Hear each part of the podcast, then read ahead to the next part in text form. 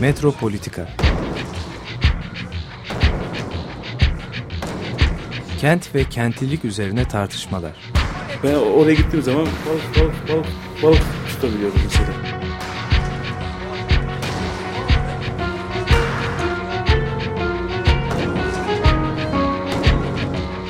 Hazırlayan ve sunanlar Aysim Türkmen ve Deniz Gündoğan İbrişim.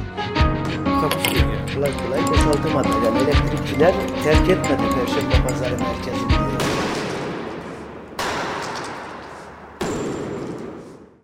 Merhaba sevgili Açık Radyo dinleyicileri. Bugün Metropolitika programımızda konuğumuz sevgili Eray Çaylı. Ee, Bugün Aysun bizlerle birlikte değil, ee, biz Eray ile birlikteyiz bugün. Hoş geldin Eray. Hoş bulduk. Teşekkürler beni konuk ettiğiniz için. Ee, Biz teşekkür ederiz. Ee, Eray Çaylı'yı aslında konuk olduğu Açık Radyo programlarından da hatırlayabilirsiniz ama e, Eray'ı tanımayanlar için ben e, kısaca bir giriş yapmak isterim öncelikle e, konularımıza geçmeden önce. E, Eray Çaylı antropoloji, coğrafya ve mimarlık disiplinlerinin kesişimlerinde çalışan bir akademisyen. Başlıca araştırma konuları arasında toplumsal hafızanın ve afete dair tahayyüllerin mekansal tezahürleri yer alıyor. E, 2015'te Bartlett School of Architecture UCLA'de tamamladığı mimarlık tarihi ve kurum alanındaki doktorasını e, yapmak üzere Londra'dan e, 2011'den beri yaşıyor. E, araştırma alanları üzerinde Londra ve civarındaki çeşitli üniversitelerde de 2012'den beri e, yoğun bir şekilde dersler veriyor. Ayrıca 2008'de de e, 2008'den bu yana da Türkçe olarak mimarlık, kent ve tasarım eleştirileri kaleme alıyor. E, Eksik yedik bir bilgi varsa lütfen beni düzelt sevgili Eray. Tekrar hoş geldin. Hoş bulduk. E, Ben bugün biraz senin e, çok önemli çalışmaların üzerinden, aslında iki kitabın üzerinden gitmek istiyorum. E, Seninle de biraz program öncesinde konuştuk bunlardan nasıl gideriz, e, üzerlerinden nasıl geçeriz gibi ama e, özellikle iklim travması, iklim şiddeti, hatırlama ve temsil hakkında aslında biraz konuşalım istiyorum. Tabii başka şeylerden de mutlaka söz edeceğiz. Ama belki başlamak gerekirse m, senin Everest yayınlarından çıkan İklimin Estetiği, Antroposen Sanatı ve Mimarlığı Üzerine Denemeler kitabı bence çok çok önemli.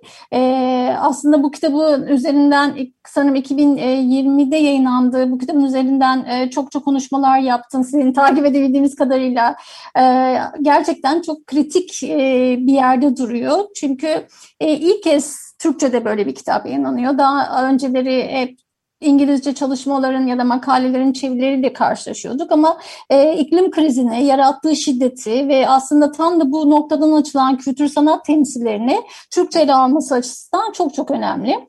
E, ben çok kısa bir girizgah yapıp topu tamamen sana atmak istiyorum bu konuda ama e, antroposen adı verilen ve insan çağı olarak adlandırabileceğimiz bu jeolojik dönemi işte zaten bugün onun etkisi de çok çok yoğun bir şekilde e, yaşıyoruz. Yangınlar, seller e, tam da şu an içinden geçiyoruz ve iklim krizi olarak tecrübe ediyoruz bunu. E, senin kitabında hem bu iklim krizine büyük bir e, açılım sağlıyor hem de bunun bir estetik kriz olduğunu da sanırım söylüyorsun. E, Ben kitabı karıştırırken, e, okurken, tekrar kendimce notlar alırken e, bölümlere de çok e, gözüm takıldı. Onları da belki biraz açmak isteriz. Mesela kent ve planlama, mimarlık ve tasarım, sanat ve kuratörlük gibi insan çağının hem mekansal hem sanatsal tartışmalarını görünür kılıyorsun. Ve burada da aslında tarihselliğe çok önem atfediyorsun. İkinci Dünya Savaşı var, Grenfell yangınından bahsediyorsun, Soma faciası gibi örnekleri inceliyorsun. Buradan başlarsak biraz bu kitabın çıkış hikayesini, e, böyle önemli ve katmanlı bir araştırmanın tarihselliğini nasıl kurduğunu, e, bir arka planını biraz bize anlatabilir misin? Çok kocaman bir soru oldu ama e, dilediğin kadar uzun da cevap verebilirsin tabii ki. Öncelikle senin de bu alanda çalışmaların çok önemli. O nedenle e, özellikle senin gibi bir e, tam da bu alanlarda çalışan bir akademisyen tarafından burada e, bir programda bu kitabı tartışabilmek benim için çok değerli ve e, ek olarak daha somut olarak şu yaptığın az önceki okumalar ve e, özet de e, beni çok e, mutlu etti. Çok teşekkür ederim gerçekten. E, özellikle tarihselliğe değindiğin e, nokta gerçekten de önemli. E, tam da okuyucuya, okuyucuya geçmesini istediğim bir noktadır. Teşekkür ederim. E, şimdi kitabın arkasındaki süreç e, iki şekilde bahsedilebilir. Tabii ki bir fikri hani e, esprisi yani ruhu e, ve buradaki niyet. E, ikincisi de üretimine dair e, belki biraz bahsedebilirim. Şimdi ikincisinden başlarsam aslında bir e, çok uzun bir süreye yayılan e, yazılımı anlamında uzun bir süreye yayılan bir dizi yazıdan oluşuyor ve aslında tam olarak bireysel e, sadece yani benim dahilim olan bir süreç de değil bu aslında kolektif diyebileceğimiz de bir üretim süreci vardı. Şöyle ki e, çok uzun süre ben e, 21 e, mimarlık dergisinde tasarım mimarlık dergisinde bir e, köşe yazdım e, ve bu köşeyi dönüşümlü olarak yazdım. Zincirleme reaksiyonlar adlı bir köşeydi bu. E, adından da anlaşılacağı üzere e, iki kişi yazıyorduk dönüşümlü olarak. Bir dönem Sinan Loji kendisi de hem mimar hem sanatçı ile birlikte yazdık. Daha sonra Sinan yoğunluğu dolayısıyla çekilince e, Senem Doyduk e, katıldı bana ve e, bu kez de Senem'le yazmaya başladık. E, dolayısıyla burada bu isimleri anmak isterim. E, Senem Doyduk da bir e, mimarlık e, tarihçisi, teorisyeni, akademisyen. E, ve e, özellikle burada Hülya Ertaş da 21 dergisinde hani editör ve genel yayın yönetmeni daha doğrusu bize böyle bir alanı ve değişik bir format aslında biraz böyle hani nostaljik de bir format diyebiliriz. Böyle karşılıklı mektuplaşma gibi bir formatı da bize bu olanağı, olanağı da sağladığı için onu da anmak isterim. Yani böyle farklı kişilerin dahili olan bir süreçte ben süreç içinde o dönem işte çokça gündeme gelen e, ama evet senin de bahsettiğin belki Türkçe'de kaynak olarak üzerine pek yazılmamış olan antroposen meselesiyle ilgili bir şeyler yazmaya başlamıştım ve bu konuyla ilgili yazdıkça şunu fark ettim. Gerçekten de herhalde belki de üzerine de yazılmadığı için e, farklı yerlerden, farklı mecralardan da e, bana e, bu anlamda hani e, te, benimle temasa geçenler oldu. Bu konuyla ilgili bize de yazar mısın vesaire gibi.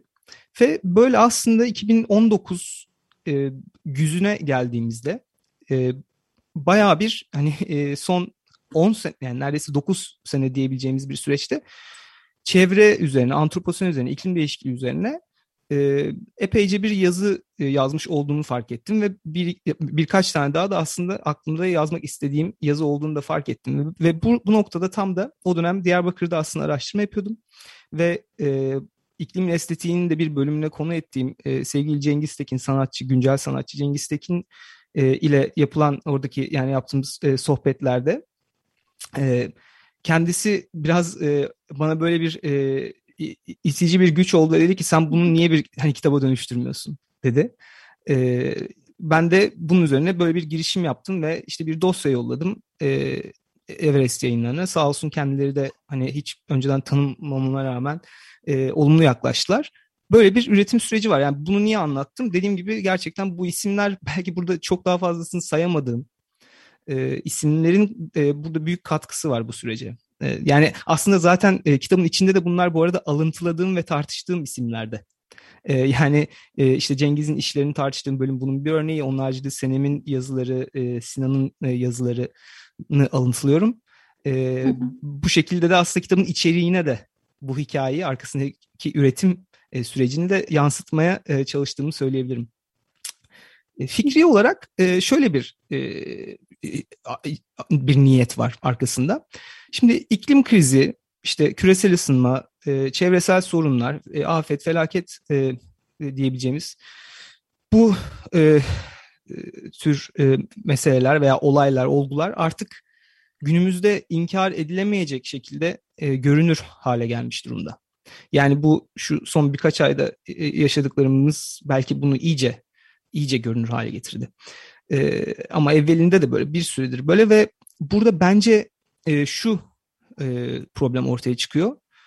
E, bunu nasıl anlamlandıracağız? Ve bu e, yani gerçekten hani görsel anlamda da görünür olan çünkü gerçekten her gün her saniye diye, diyebiliriz artık.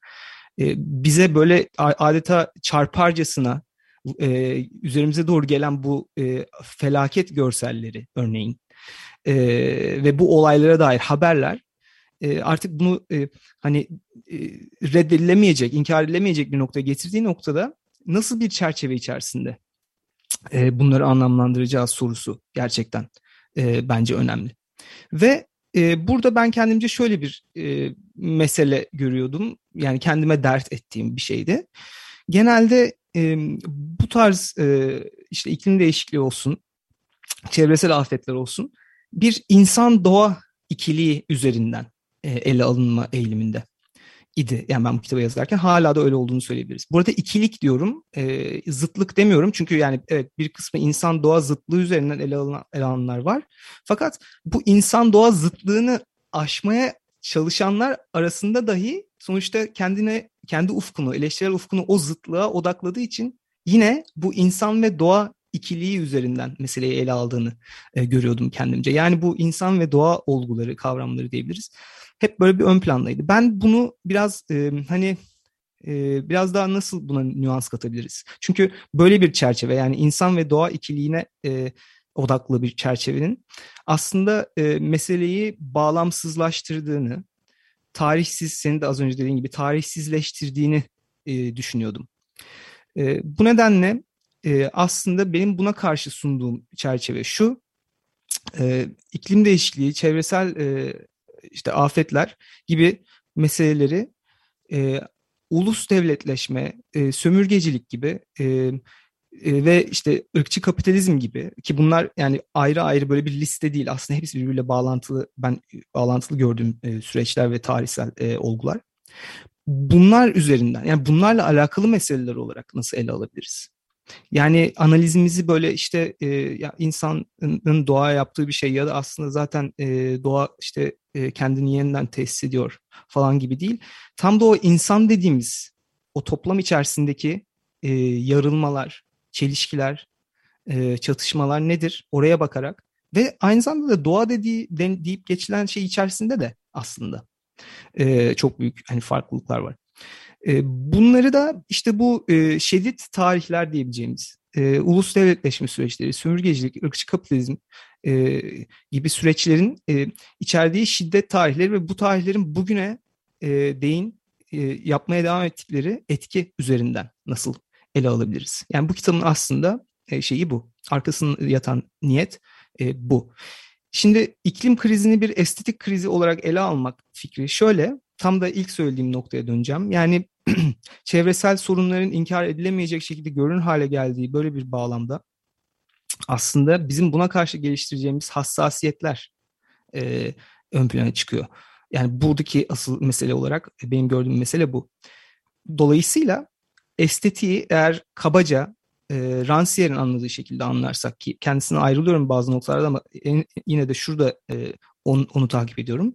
Politik olanın hissedilir kılındığı bir e, e, mecra olarak siyasetin e, duyumsanabilir olanın tanzimi üzerinden yapıldığı bir e, aslında e, mecra olarak estetik e, üzerinden ele alırsak gerçekten de e, önümüzdeki meselenin e, sadece bir e, işte iklim krizi değil aynı zamanda bir estetik krizi olduğunu e, öne sürebileceğimizi söylüyorum e, kitapta. Ve tabii ki e, yani estetik e, bir yani benim için bir aslında bir teorik çerçeve. E, fakat hani bu teorik çerçeveye konuşan e, başlıca pratikler görsel üretim ve e, işte mimarlık e, diye bahsettiğimiz yapılı çevre e, ye dair üretim. Ve kitap bu nedenle e, bu iki üretime odaklanıyor. E, tabii ki bir e, hani sanat e, e, özellikle görsel üretim dediğimiz o genel kategori altında e, sanat e, vurgusu var ve buraya bir odaklanma söz konusu kitapta. Bunun haricinde çevre, yapılı çevre, e, kent e, ama aynı zamanda ilk bölümde biraz da işte temsil ve tahayyül dediğim e, e, bölümde de tabii ki daha popüler kültüre de yani e, popüler filmlerden mesela bir örnek var. E, basında görsellerin kullanımına dair bir, bir yazı var. E, ama genel anlamda görsel e, üretim ve yapılı çevreye dair üretime odaklandığımı e, söyleyebilirim. Mü müthiş anlattın. Ee, ben buradaki zaten e, sen anlattıkça ben de notları aldım. Çok e, çok gerçekten hani iklimin estetiğinde aslında e, belki de hem okuyanları hem de beni okur olarak çok çarpan veya bir araştırmacı bu meselelere ilgi duyan bir araştırmacı olarak çok çarpan şey aslında tam da senin söylediğin bir yer. Ve ben sanki senin bu anlattıklarından bu kitabın aslında bir kesimşellik, kesim projesi olduğunu da hissediyorum güçlü bir anla. Çünkü ataerkiden bahsediyorsun. Demin söylediğin gibi ulus devletin e, getirdiği ırkçılık, milliyetçilik, işte sömürgecilik, kapitalizm, emperyalizm ya da emek karşıtlığı gibi bütün bu somut siyasi projelerin aslında antroposen terimiyle ya da antroposen çağıyla, insan çağıyla aslında nasıl e, beraber ilerlediğini, bunlardan e, hiçbirinin, hiçbir e, siyasi projenin ayrılmayacağının altında çok önemli e, çiziyorsun. Bu anlamda o kesişimsellik ya da disiplinler arası e, galiba bu projede e, çok çok önemli ve bence de yani e, eleştirel okuma aslında tam da buradan açılıyor senin e, e, projende ve kitabında. E, bunun hakkında bir şey söylemek ister misin? Yani böyle bir e, kesişimsellik e, ya da e, dediğimiz gibi e, antroposenin terim olarak sadece aslında böyle evrensel, makbul insan olarak homojenleştirmesine aslında bir şey karşı çıkış sanırım ya da reddediş. Evet, e, bu yani kesişimsellik meselesi üzerine şunu söyleyebilirim. E, tam da senin e, ima ettiğin gibi yani e, bunları aslında kesiştiren ben değilim. E, bu kesişim zaten bu şiddet tarihinin e, kökeninde var. yani evet. e, o nedenle e, belki bu şekilde. E, çünkü bazen e, şey gibi yanlış anlaşılma olabiliyor. Hmm, nasıl diyeyim? E, ilk e, yanıtımda da bahsettiğim gibi e, bir takım e, tarihsel olguları e, arka arkaya sayınca aa, hani işte şey gibi e, tabiri caizse alışveriş listesi gibi hani e, oluyor diyenler olabiliyor ki ben öyle anlamıyorum. Gerçekten burada e, şu yani e, hani mesela neden ırkçı kapitalizm diyoruz? Aslında bunun bir e, hani oradaki e, ırkçı e, şeyi sıfatının gerek olmadığını bile söyleyebiliriz. Fakat yani orada o vurguyu yapma nedenim e, örneğin kapitalizmin her yerde de aynı yaşanmadığı gerçeği. Yani e, her e, halk üzerinde etkisinin aynı olmadığı. Çünkü kapitalizm mesela şuradan bağlayabilirim. E, bir bölümde tartıştığım gibi işte antroposen e, kavramı insan çağı e, diye hani çevirebileceğimiz e, bu içinde bulunduğumuz jeolojik e, çağda artık e, gezegenin işleyişi ve fiziki yapısı üzerindeki en belirleyici etkinin insanlık e, olduğu, e, etkenin insanlık olduğunu söyleyen bir hani tezin merkezinde yer alan bir kavram. Tabii ki sorunlu. Senin az önce ima ettiğin gibi işte insanlığı böyle bir e, topyekun bir şeye torbaya koyduğu için. Fakat bunun karşısında da mesela kapitalösen e, kavramı önerildi. Şimdi bu da tam da aynı şekilde yani aslında sorunlu olduğunu söyleyebiliriz. Çünkü hani salt bir antrop yani in, insanlığın yerine de kapitalizm e, odağını koyunca da tam da o eleştirdiğimiz e, sorundan kurtulmuş olamıyoruz. Çünkü kapitalizm de öyle her yerde e, aynı şekilde yaşanmıyor. Her halka aynı şekilde etkilemiyor. E, o nedenle burada aslında şunu da ben hani ortaya koymaya çalışıyorum kitapta. Her ne kadar bu bir dizi denemeden oluşsa da yani belki e, kuramsal açıdan e, yani zayıf bulanlar olabilir ama e, şöyle bir şeyi de e, en azından karşı tarafa geçirmeye çalışıyorum e, bu ırkçılık dediğimiz şey zaten kapitalizmin e, hani e, kapitalizmi doğuran e, proje. Yani e, ırkçılık ve kapitalizm birbirinden ayrılamayacak e, aslında meseleler. Bu bir örneği. Yani kesişim dediğimiz böyle bir şey. Yani zaten e, kökeninde kesişim var. E, keza e, şey meselesi de öyle. Yani patriarka meselesi de öyle. E, yani bu da e, yani e, toplumsal cinsiyet e, dediğimiz şey e, de yani bu e, buna, e, bundan hareketle yapılan ayrımcılık da e, hani merkezinde yer alıyor. Yani e, insanların e, işte köleleştirilmesi, bazı halkların köleleştirilmesi e, süreçlerine baktığımız zaman yine e, bunun elbette e, en e, e, işte ağır faturasının orada yine e, toplumsal cinsiyet e, açısından e, en hani dezavantajlı olan e, kesimlere e, çıkarıldığını, çıktığını görüyoruz. Yani aslında bu kesişim e, evet yani bizim giydirdiğimiz bir şey olmaktan çok e, aslında meselenin kökeninde yatıyor ve ben de o nedenle e, bir e, hani e, şey meselesi tabii ki e, çevre meselesi e, tam da e, hani şeye belki im, imkan tanıyor. E, bunları böyle ayrı başlıklar altında değil çünkü gerçekten bir yandan e, şunu da söylemek lazım. E, yapısal bir e, sorundan bahsediyoruz. Yani e, her zaman işte atmosfer diyoruz mesela. Yani atmosfer gerçekten hani bir yandan e, içinde bulunmak yani nefes almak zorunda olunan, her tarafı saran, e, falan bir şey mesela. E, yani gezegen diyoruz. E, bu da aynı şekilde. E, bu e, aslında böyle e, e, bir yani e, potansiyel olarak e, tırnak içinde herkesi etkileme potansiyeli olan bir mesele olmakla birlikte tabii ki e, buradaki o gerçekten varsa da yapısal şiddet e, he, gerek simgesel anlamda gerekse e, bedensel anlamda e, e, etkileri e, belli bireyler üzerine, belli halklar üzerine çok daha farklı oluyor.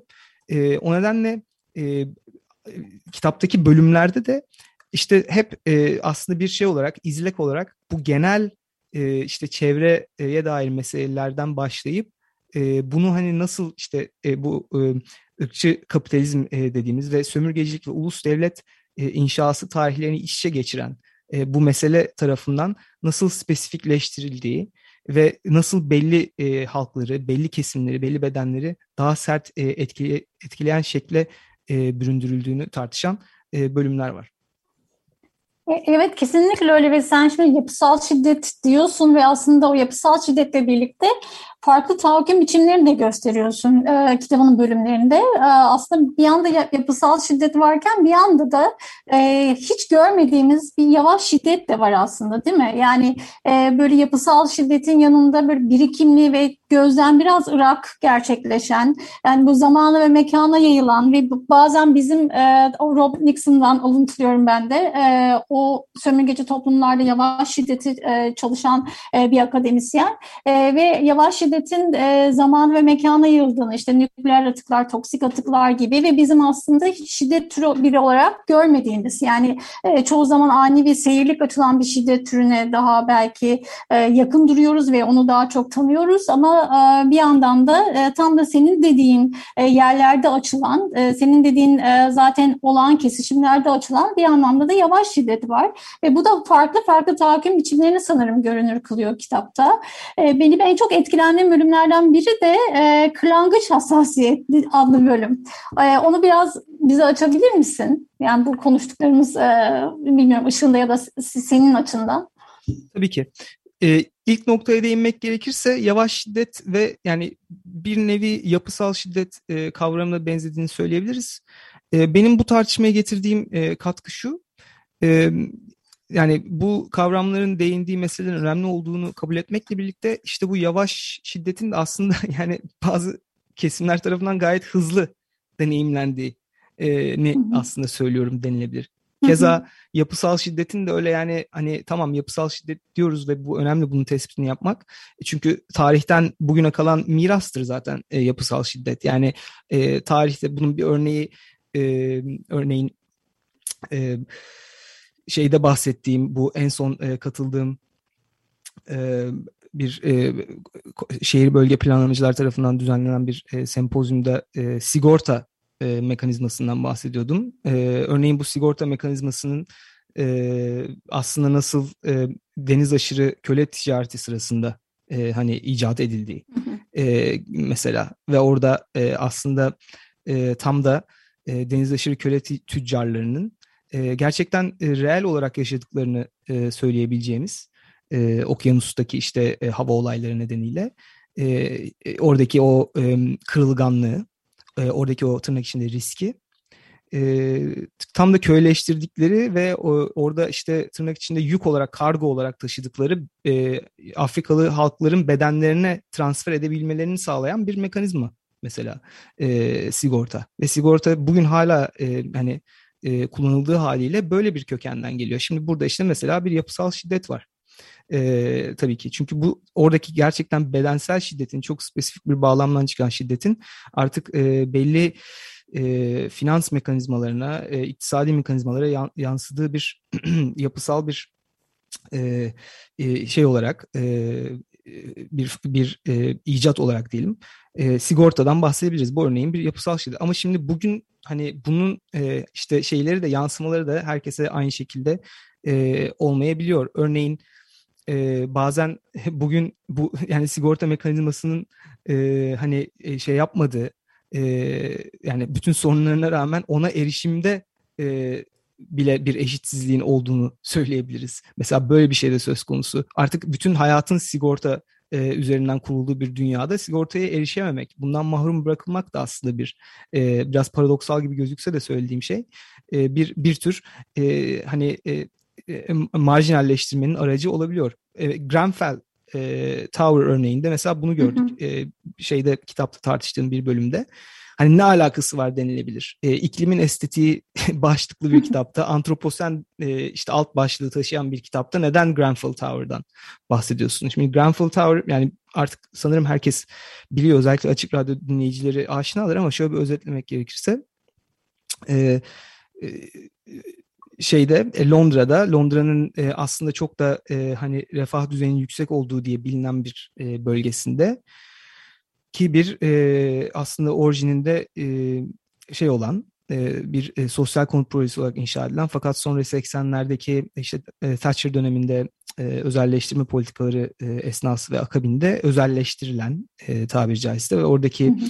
işte e, dairelerin e, özel mülkiyetin konusu kılındığı bir e, bir e, e, bina, e, bir konut yapısı ve e, tabii ki birkaç sene önce işte e, meşhum bir e, yangında e, yandığını e, biliyoruz. Ve e, burada örneğin e, gerçekten şu e, ortaya çıktı. E, bazı kesimlerin ki burada çok çok e, büyük ölçüde e, yaşayanlar e, aslında işte e, etnik azınlık diye burada İngiltere tarif edilen e, ne diyebiliriz buna e, siyah ya da e, Müslüman özellikle nüfusun yoğun olduğu bir e, konut e, binası bu.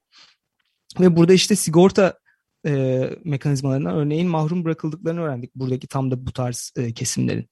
E, yani e, kendilerine böyle bir uyarı yapılmasına rağmen ya da kendilerinin bundan hani mahrum bırakıldıklarından dahi haberleri olmasına rağmen yangın sonrası böyle bir e, durumun aslında var olduğu ortaya çıktı. Bu mesela bir örneği.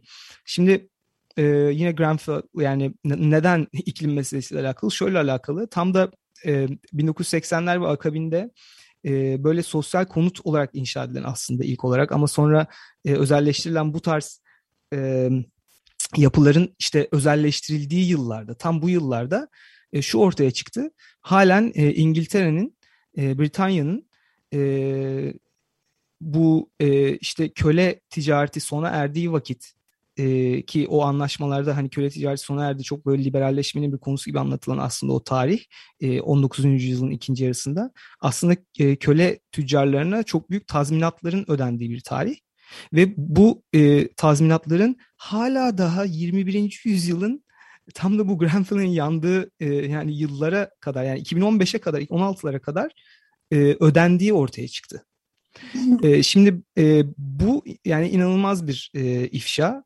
E, çünkü işte köle ticaretinin e, şeyle alakasını biliyoruz. Yani iklimle ne kadar alakalı bir şey olduğunu biliyoruz. Oradan Afrika'dan e, köleleştirilen halkların e, tabii ki özellikle e, Amerika kıtasında plantasyon adı verilen e, işte tütün, e, şeker pancarı e, gibi, pamuk gibi e, ürünlerin monokültür olarak yani tek tek ürüne e, odaklı olarak yetiştirildiği tarlalarda e, emekleri sömürmek üzere köyleştirilen e, bu halkların e, işte özgürleştirmek için özgürleştirilmesi e, sürecinde aslında o özgürleştirmenin gerçekten de e, vergiyi veren halka bir yük olarak ta 2015-16'ya kadar e, yansıdığını çünkü bu hazinenin kasasından çıkıyor ve nihayetinde vergi veren e, halkların da cebinden çıkıyor.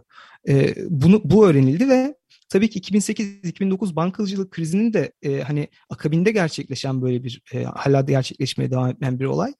E, bu sefer şunu gündeme getirdi e, hani biz e, bize kasada para yok diyorsunuz, kemer sıkma diyorsunuz. 2008-2009 e, bankacılık krizi sonrası e, işte konut projeleri artık e, devlet eline iyice yani refah devleti tamamen çekildi o e, işte e, karşıladığı eğitim gibi, sağlık gibi, e, e, barınma gibi alanlardan e, diyorsunuz. Paramız yok diyorsunuz ama hala yani e, bu işte e, köle tüccarlarının tazminatı ödeniyor ve e, hani bu gerçekten işte tam da böyle bir ortamda Grenfell gibi bir e, binanın da yanıyor olması ki bu da e, aslında yanma nedeni işte tam da e, bu tarz binaların özelleştirilmesiyle alakalı süreçler üzerine oldu. Çünkü e, yanıcı bir maddeyle kaplanıldığı ortaya çıktı bir taş orana, taş orana verilerek e, vesaire. Yani burada e, bu gördüğümüz hani e, Grenfell özelinde aslında ne kadar e, işte e, bu yapısal şiddet diye bahsettiğimiz e, o şiddetin örneğin bir endüstriyel tarım işte plantasyon en, tarımın endüstriyel olarak yapılmasının bir e, tamam örneği ve bugüne olan mirası elbette.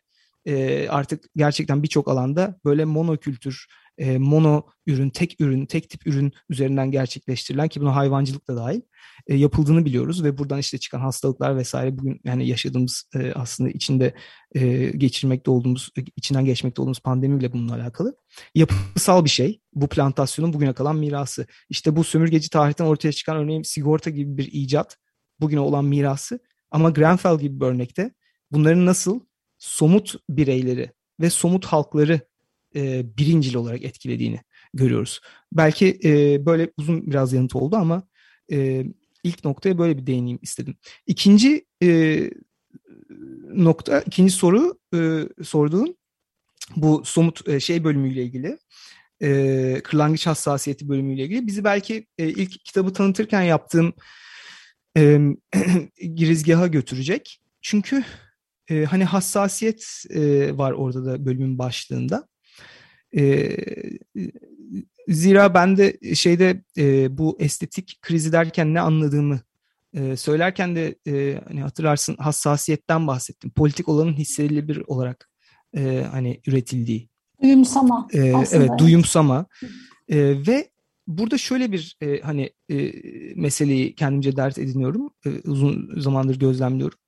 İşte diyorum ya iklim krizi e, gerçekten buna dair görseller e, sürekli hani bize yani, adeta meteorlar gibi üzerimize geliyor ve haberler keza artık yani inkar edilemeyecek bir şey. Görünürlüğü inanılmaz artmış bir şey. Gerçek anlamda görünürlüğü. E, ve burada bu anlamlandırılırken e, buna dair bir duygu dünyası hani mobilize edilirken genelde şeytanlaştırma e, ve kahramanlaştırma ikiliğinde e, gezildiği gibi bir gözlemim e, e, var benim ve o bölümde bunu tartışıyorum aslında. Ve aslında iki, ikisi de e, eşit olarak e, e, problemli elbette. E, o bölümde örneğin tartıştığım örnek e, şu işte bir e, şeyde e, Dicle Nehri kıyısında bir e, kum ocağına işte e, kum ocağında kum birikintisine e, kırlangıçlar yuva yapmış. E, hani kum ocağının sahibi de e, bunların yuvasını bozmamış işte hı hı. şu kadar şu kadar binlerce e, yüz binlerce işte liralık zarara girme pahasına gibi bir vurguyla bu veriliyor haber. E, ve hani bunun aslında tam da işte az önce bahsettiğim gibi şeytanlaştırma ve kahramanlaştırma ikiliğinde e, ikili karşılığında gelip giden salınan e, bir e, hani duygu ve ve hislenme dünyasına ait bir örnek olarak ele alıyorum. Çünkü e, bu haber sadece haberin kendisi değil ama habere verilen yorumlar da gerçekten bayağı bir yoruma e, konu oldu bu haber o dönem. 2019 e, yılında yayınlandığı dönem ve e, işte Ekşi Sözlük gibi e, web sayfalarında örneğin ve işte haber sitelerinin biliyorsun e, haberlerin altına yorum girme e, imkanı var. E, buralarda genelde bu sefer şu ortaya çıktı. Hani olayın da gerçekleştiği yer, haberin de e, gerçekleştiği yer anlamında e, yani işte tam da kahramanlaştırma diyebileceğimiz ya işte buranın halkı zaten böyle inanılmaz misafirperverdir. E, işte Diyarbakır halkı e, işte e, çok e, hayvanseverdir. E, ama bir yandan da şu ya işte e, e, yani bu böylesi var ama bir de kötüsü var. Keşke kötüleri de böyle olsa gibi. Yani burada hani tam da şeyi görüyoruz. Yani çünkü bir yerde bir kahramanlaştırma varsa mutlaka o zaten onun yapılması arkasındaki e, saik illaki bir de şeytan olanını tırnak içinde şeytan olanını e, daha da şeytanlaştırmak ve bunun altını çizmektir. Yani e, işte herkes böyle olsa zaten e, bu sorunları yaşamayız gibi bir problem. İkinci problem şu yani e, neden bir e, coğrafyada yaşanan e, somut bir yer Dicle boyu, yukarı Dicle Vadisi burada e, işte son dönemde yani son dönem derken en azından e, GAP projesinin ortaya çıktığı e, hani e, nokta tarihsel konjonktür ve akabinde gerçekleşen sorunları biliyoruz.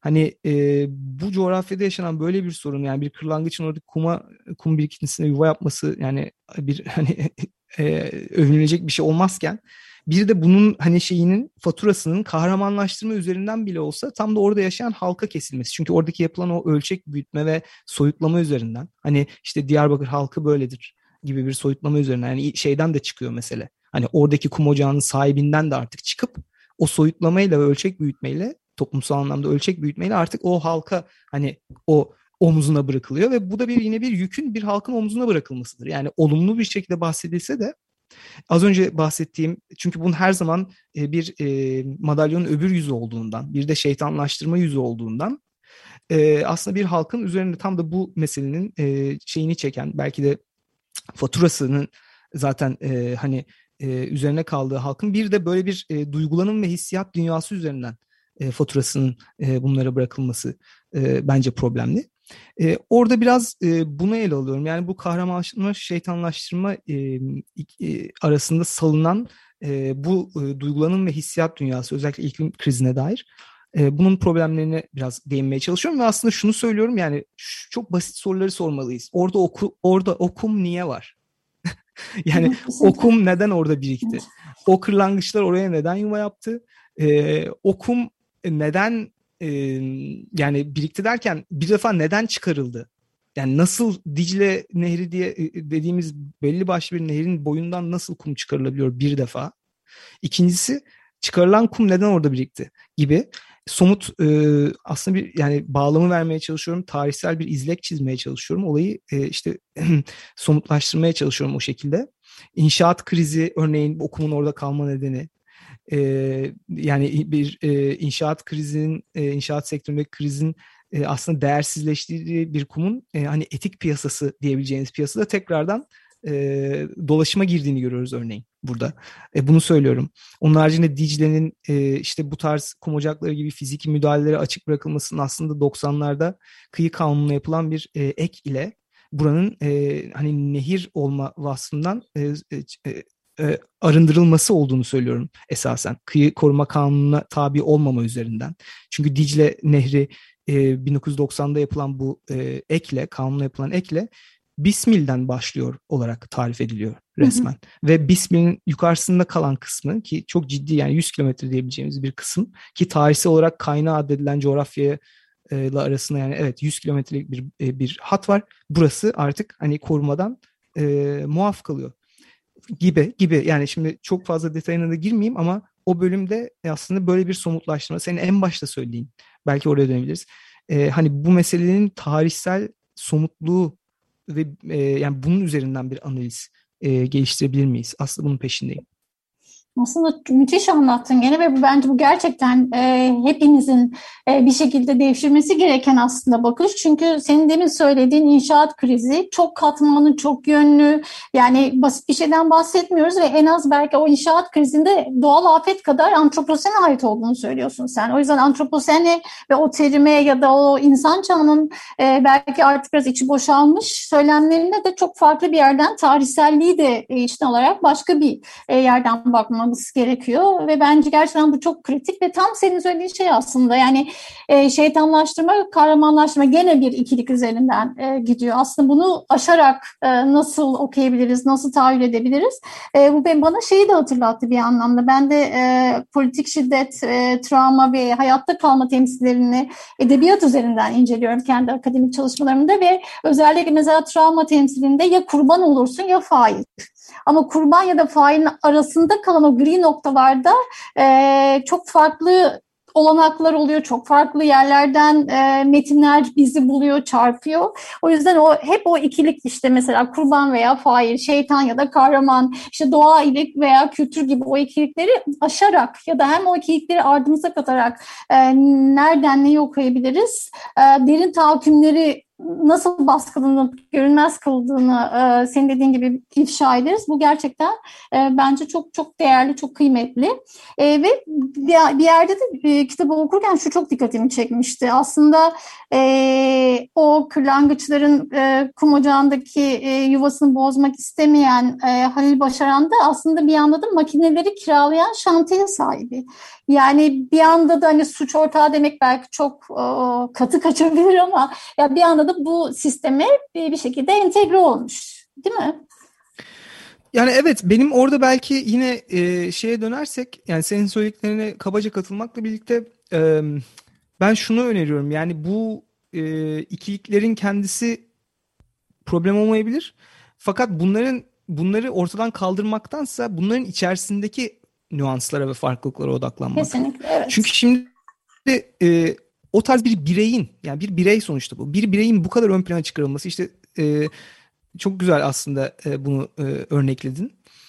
Tabii ki haberde bu kahramanlaştırma üzerinden yapılıyor fakat yani bir defa o spot ışıklarını bireyin üzerine koyduğumuzda o bireyi e, şeye de açık bırakmış hale getiriyoruz. E, yani suçlanmaya da açık hale gelmiş oluyor. Sonuçta bir bireyin üzerine e, sahne ışıkları e, konuluyor ve ben buna aslında biraz karşı çıkıyorum. Yani neden biz buradaki bu bireyi tartışıyoruz? Yani bu e, bir e, e, toplumsal ve politik bağlamın içerisinde oradaki okum ocağı açıldı. E, yani bunu tartışalım. Ve bunun arkasındaki müsebbipleri yani işte diyorum ya şimdi 1990'da e, kıyı kanununa yapılan bir ek. Yani orayı müdahaleye açık aslında meşru ve yasal bir şey orada olan yani. Çünkü e, kanun var. O kanunun kendisi orada, orada yapılan ekin kendisi zaten tartışılmalı mesela. Ve bu ekin nasıl bir bağlamda yapıldığı. İşte 90 yılında yapıldığını e, biliyoruz.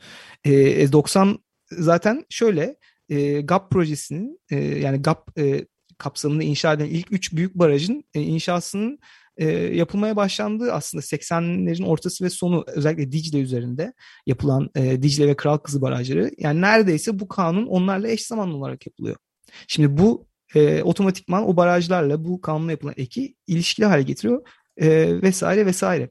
Yani benim buradaki şeyim e, işte oradaki e, eğer bir şeyi sorunsallaştıracaksak bu siyasi ve e, toplumsal süreçleri, bu somut süreçleri e, sorunsallaştırmak ve bu süreçlerin e, arkasındaki yani nasıl diyeyim müellifleri, yani bu süreçlerin müelliflerini, bu süreçlerin e, destekçilerini aslında burada e, sorunsallaştırmak. Yoksa işte bugün oradaki kum ocağına evet o haberde e, hani alkış tutabilir haber ama e, vurguyu bireye yaptığı için o bireyi bu sefer yani yani şey bir odak tamamen odak e, kaçıran bir bir bir bir e, e, sunum olarak görüyorum aslında öyle söyleyebilirim.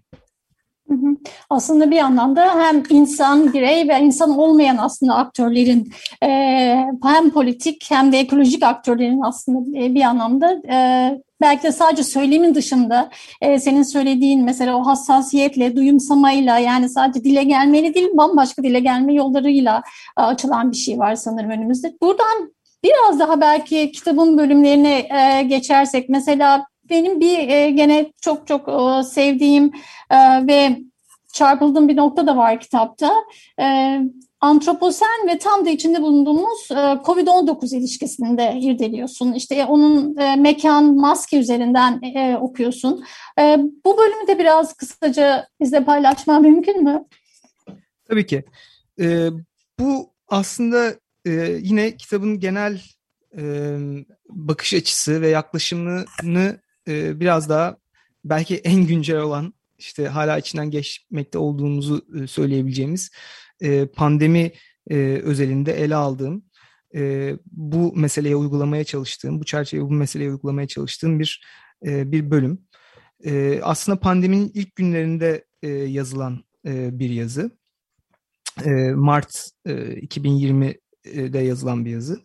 Ve o dönem özellikle gündeme gelen bir dizi pratik ve bunların temsiline dair e, kaleme aldığım bir yazı. Tabii bunların başında işte e, şu geliyor. E, tam da en başta bahsettiğim gibi hani doğa intikamını alıyor. Yani pandemi yorumlayan e, bir, bir dizi hani yorumcunun ilk verdiği tepki işte doğa bizden intikamını alıyor. İşte e, ve özellikle burada tabii ki kitabın hani e, bir kısmının da e, odağında yer alan görsel üretim örnekleri çok ön plandaydı. İşte e, belli başlı e, kentlerin meydanlarını bomboş gösteren e, e, görseller örneğin burada çok dolaşıma girdi. E, ve benzeri görseller e, üzerinden şunu hani söylüyorum işte e, aslında kitabın birçok e, bölümünde de eleştirmeye çalıştım. Bu hani e, somut siyasi süreçleri ve tarihleri görünmezleştiren e, bir hani doğaya bu tarz bir e, faillik atfetme e, yaklaşımı ve bunun aslında getirdiği sorunlar. Çünkü gerçekten hani e, iştigal etmemiz gereken sorunları, e, meseleleri görünmezleştiriyor. Bunu biraz e, e, e eleştirel şekilde ele almaya çalışıyorum o bölümde. E, onun haricinde ya burada neden hani bu problemli? Mesela bunu biraz detayına girersek şu örneğin meydanları boş gösteren, e, insandan arınmış gösteren ve bunu hani doğanın e, insanlıktan aldığı bir intikam ya da doğanın geri dönmesi, kendini yeniden e, işte e, tesis etmesi, tedavi etmesi gibi göstermek e, şöyle problemli. Yani o meydanlar sadece öyle bir şey değil, kap değil sonuçta. Yani o meydanlar aslında bir yandan da e, örgütlenmenin, e, toplumsal mobilizasyonun mekanları. E, yani tam da o işte doğa e, savunucu yapan kişilerin de savunduğu yani örneğin iklim değişikliği üzerine de eylemlerin yapıldığı meydanlar. Hani o nedenle e, biraz e, yine bir e, silikleştirme, bir toplumsuzlaştırma e, eğiliminin burada e, görüldüğünü savunuyorum ve mesela böyle örnekleri tartışıyorum. Onun haricinde e, başka neyi tartışıyorum? E, yine e, işte belki az önce kırlangıç hassasiyeti e, bahsinde tartıştığımıza benzer şekilde bu rafları boş gösteren, boş rafları vurgulayan işte e, bir, bir takım görseller hem e, İngiltere'de hem e, başka yerlerde çok e, dolaşıma girdi. Ben yani İngiltere'de yaşadığım için çok uzun süredir e, oradan örnekleri tartışıyorum ve işte burada yapılan vurgu şuydu. E, ya insanlık ne kadar aç gözlü. Hani insanlar işte mesela tuvalet kağıdına bile hücum, hücum ettiler. Yani biz işte şey olum akıllanmayız falan gibi kabaca e, haberler ve bunlara eşlik eden işte boş market rafları, görselleri. Yani bunun da yine e, tabii ki problemli bir şey olduğunu e, söylüyorum. Yani çünkü e, yani birçok açıdan problemli. Hani boş raf e, örneğin bugüne kadar e, işte Küba'daki, Venezuela'daki yani e, işte e, Batı dünyasının şer ekseni adettiği ülkelerdeki e, krizleri göstermenin bir aracıyken bir anda bu sefer e, hani e, insanlığın aç gözlüğünü gösteren bir şey haline geldi. Bu mesela ilginç. Yani e, benim içinde bulunduğum ve e, hani yaşadığım uzun süre yaşadığım bağlamda özellikle böyle. İkincisi e, yani sıradan insan tabii ki yani bir, bir tuvalet kağıdının örneğin bitmesi e, şöyle okunabilecekken yani sıradan insan zaten gücü yettiği şeyi emekçi insan yani gücü yettiği şeyi alıyor hani e, bu kadar ucuz bir ürün ve onu alıyor belki. Onun da psikolojisi öyle çalışıyor olabilir denilebilecekken ya bunu bir aç gözlüğe bağlamak mesela e, burada problemli. Yani e, buradaki sınıfsal farklar hani e, hani bir yandan işte e, biliyoruz ki e, süper zenginler daha da zenginleşirken hani pandemi sırasında ve süresi, sürecinde ve e, kendilerine e, inanılmaz e, işte barınak diyebileceğimiz adalar satın alıp buralarda hani izole edebilirken bunlar sorunsallaştırılmazken hani boş raflar üzerinden böyle bir e, müphemleştiren bir e, yaklaşım e, olduğunu gördük özellikle ilk günlerde. E, bunu biraz yine eleştirel e, ele almaya çalışıyorum. E, ve e, yine işte başka bir mekan olan, bunların hepsinin bir birer mekan olarak tırnak içinde ele alıyorum. Yani raf, meydan e, ve balkon e, da benzer bir şekilde alıyorum ve balkonu da çok hani pandemi süresinde sürecinde e, ön planda olan bir mekan olarak e, hep karşımıza çıktı ve e, şöyle ilk özellikle ilk aylarda işte e, türlü e, destek eylemleri yani sağlık e, emekçilerine, sağlık çalışanlarına destek eylemleri üzerinden ya da hatta bazı belediyelerin işte size balkonunuzda egzersiz yaptırıyoruz e, ücretsiz olarak işte e, geliyoruz işte e, sitenizde e, bir eğitmen üzerinden e, orada aşağıda o size belli hareketler yapacak. Siz de balkonunuza çıkıp o egzersizleri yapacaksınız gibi e, hani e, kullanımları da e, gördük ilk günlerde. Ve bunları da e, hani e, biraz e, belki eleştiriler alabiliriz diye düşünüyorum. Çünkü e, yani e, ba, e, balkonun ki yani çok e, aslında kişinin nasıl diyeyim e, ev yaşamının bir uzantısı diyebileceğimiz yani her ne kadar açık hava olsa da e, yarı açık olsa da e, iç mekanın e, bir uzantısı olarak e, görebileceğimiz ve e, gerçekten de kendine ait e, yaşamının son kalesi olduğunu söyleyebileceğimiz. Yani her yer bu kadar e, kuşatılmışken ki yani bu belki ilk günlerde daha anlamlıydı. Şu an zaten artık ayyuka çıktı bence. İşte e, teknolojiler üzerinden e, artık evde çalışmanın gerçekten herkes tarafından neredeyse yani e, özellikle beyaz yakalılar tarafından deneyimlendiği bir bir ortamda hani ev ve ev içi ve bunun bir uzantısı olduğunu söyleyebileceğiniz balkonun dahi böyle bir e, kabaca e, nasıl diyeyim m, tepeden inme diyeyim ama resmi politikaların e, alanı haline geldiğini söyleyebiliriz. Yani böyle görünürde e, hani güzel ve eleştirilemeyecek bir şey olan hani egzersiz yapma üzerinden o, e, olsa bile yine de son kertede e, işte mesela alkış eylemi hani çıkıyoruz alkışlıyoruz e, sağlık e, e, e çalışanlarını destekliyoruz gibi alkış eylemi e, görünürde evet olumlu bir şey ama yine de e, hani e, burada neden mesela bir aylaklık mekanı olabilecek? Bir yani kişinin gerçekten hani aylaklığının boş zaman diye o boş zaman dolu zaman kavramının kavramının kendisi sorunlu ama e, bu zamanın istediği bir kullanabileceği son kalesi diyebileceğimiz bir e, balkonun bile bu tarz e, işte devlet politikası aslında diyebileceğimiz şeylerin sahası kılındığını gördük ki e, çok geçmedi şey bu arada. Yani e, şeyin üzerinden de e, bu sağlık emekçilerini alkışlıyoruzdan e, işte 23 Nisan 19 Mayıs'ı kutluyoruz e, balkonlarımızda geçişi zaten çok hızlı oldu. Evet, yani tam da aslında benim yazdığım yani bu yazıyı yazdım ve akabinde bu oldu hani e, biraz keşke hani yazıya da dahil edebilseydim dediğim bir e, örnek oldu. Bu da bunu evet belki bir nebze e, bir do, öngörüyü doğrulayan bir örnekte e, oldu. Aslında senin söylediğin şey çok güzel bir şey. Çünkü sınıfsal, etnik ve ırksal bütün eşitsizliklerin işte o mekanlarda, rafta, balkonda e, aslında gerçekleştiğini altını çok çiziyorsun. Ben de mesela e, St. Louis'te, Amerika'nın St. Louis şehrinde uzun seneler yaşadım, 7 sene ve orada nüfus daha çok siyahi nüfus, %70 siyahi ve tam da o pandemide tam da senin söylediğin şey o hani zaten o raflara, balkonlara zaten hiç erişimi olmayan e, sağlık sisteminin sosyal güvencenin hiç hiç gitmediği zaten büyük bir kesim var mesela. Zaten ayrışmış mahalleler var. E, o yüzden e, pandemi politikasının e, bu tür eşitsizlikleri belki daha katmerli yaptığına da senin söylediğin e, çok çok da güzel bir örnek bence. Evet aslında yavaş yavaş galiba programımızın sonuna geliyoruz. Ben hiç bitirmek istemiyorum. Daha çok konuşacak şey var e, seninle ama e, belki son olarak şunu da e, eklemek gerekebilir. E, demin mesela mekanları ve boş mekanları söyledin. Boş mekanların aslında nasıl farklı, e, biraz tarihsellikten, hani içinin boşaltılmış olduğundan bahsettin ve farklı bir mekan kurgusuyla önümüze açıldığından bahsettin. Ve aslında oraların, e, o mekanların, işte meydanların, e, toplum toplumsal örgütlülüğünün aslında mekanları olduğunu söyledin. Ee, sanırım e, burada da mesela farklı farklı iklim aktivizm biçimleri var.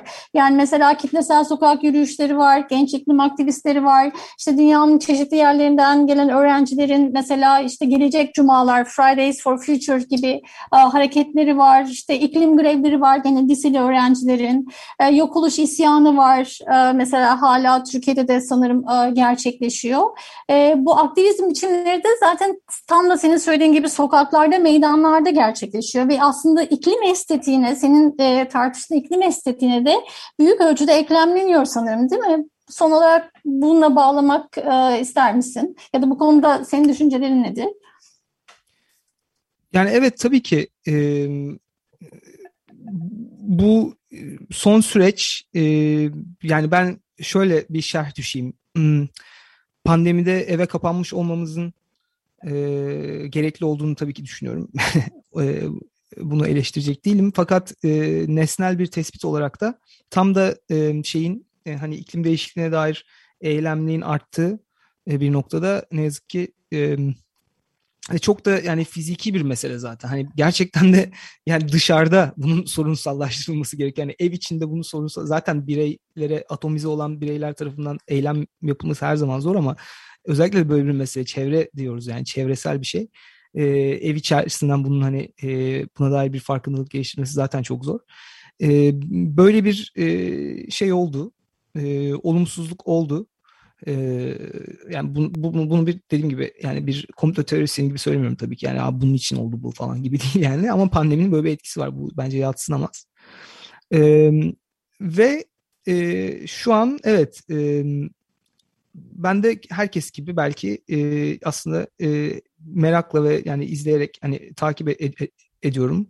E, acaba e, hayatın açılması denilen şey e, genelde işte ticaret üzerinden genelde tartışılan bir şey oluyor. Dükkanlar açıldı, dükkanlar kapandı veya yani okullar ki okulların da hani çoğu artık yani en azından üniversiteler ticari.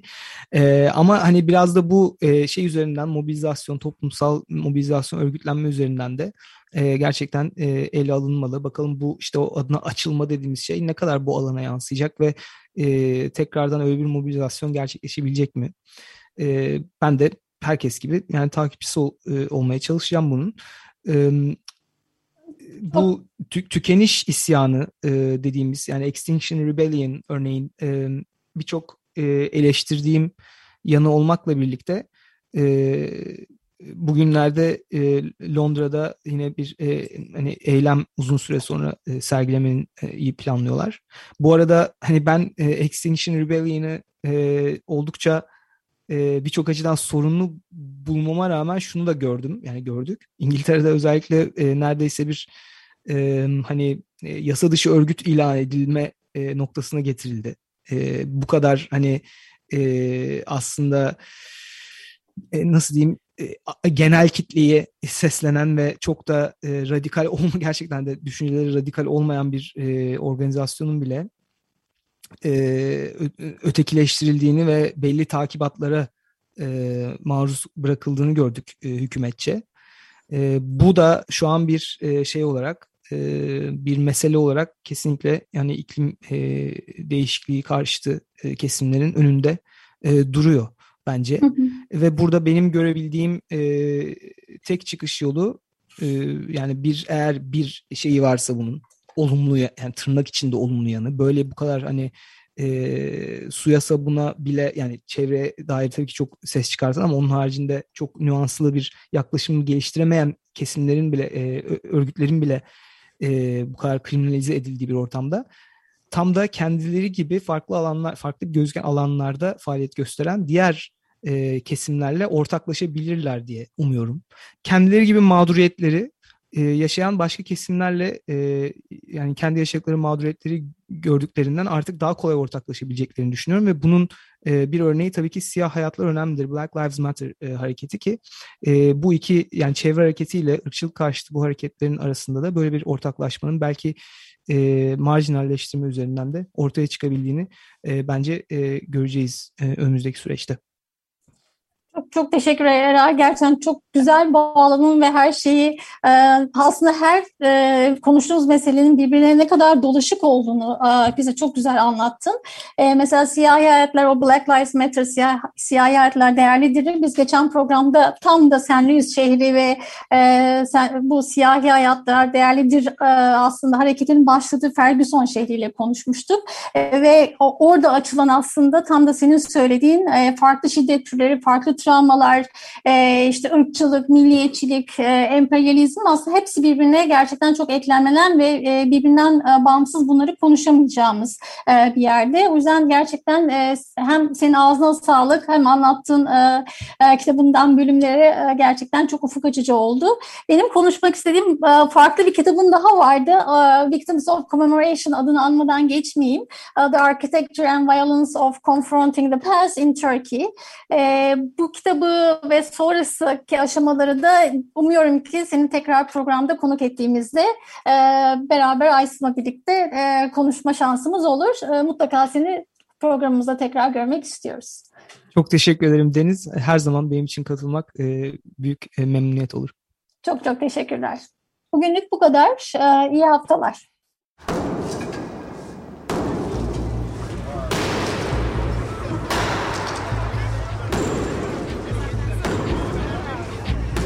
Metropolitika Kent ve kentlilik üzerine tartışmalar. Ben oraya gittiğim zaman balık balık balık balık tutabiliyordum mesela.